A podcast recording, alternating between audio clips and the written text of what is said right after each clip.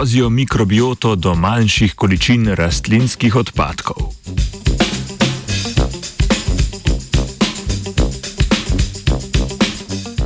Dobro jutro.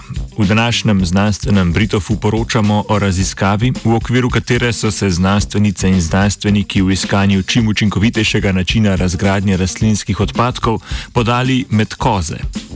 Dognanja raziskave o mikrobioti koz in njeni zmožnosti presnove rastlinskih odpadkov so objavili v zadnji številki revije Nature Microbiology.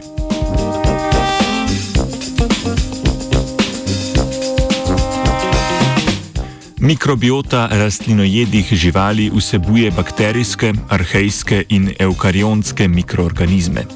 Kljub biotski pestrosti večino razgradnje opravijo bakterije, ki so v mikrobioti tudi najbolj številčno zastopane.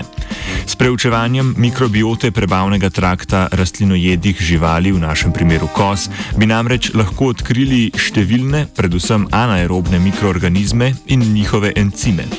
Ti bi nam pomagali hitreje in z manjšim energetskim uložkom razgraditi večje količine odvečne rastlinske biomase.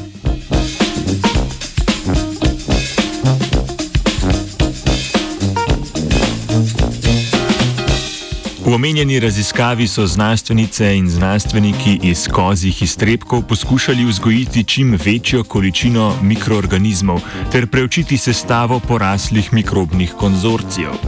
Za gojenje mikroorganizmov so uporabili več pristopov. Kot vir hranil so dodali različne vrste težje razgradljive rastlinske biomase, z namenom selekcije čim bolj pestrega nabora poraslih mikroorganizmov pa so uvedli več različic gojenja. Mikroorganizme so gojili brez dodatnih antibiotikov, z uporabo antibiotika kloramfenikola ter z antibiotikoma penicilinom in streptomicinom.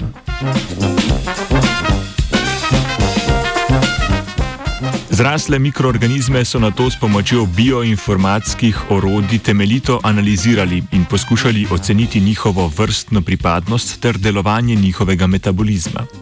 V različicah z antibiotiki so najbolje uspevale anaerobne glive, največ anaerobnih bakterij pa so vzgojili v različicah gojenja brez prisotnih antibiotikov. Pri posameznih vrstah anaerobnih gliv so našli tudi več kot, po več kot 100 encimov za razgradnjo oglikovih hidratov. Pri anaerobnih bakterijah so našli bistveno manj encimov za razgradnjo kompleksnejših oglikovih hidratov. Raziskovalci na podlagi pridobljenih rezultatov sklepajo, da je po dosedanjih ocenah vloga anaerobnih gliv pri razgradnji močno podcenjena.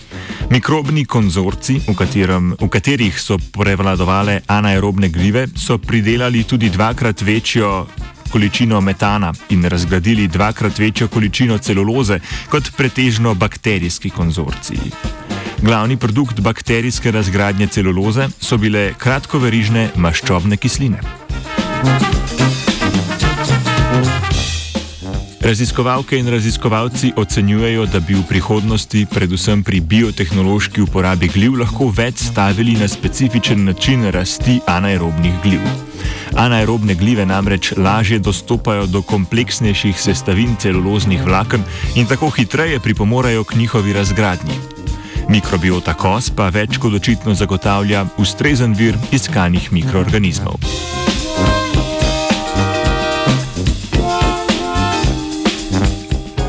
Kozami se je potikala Nataša.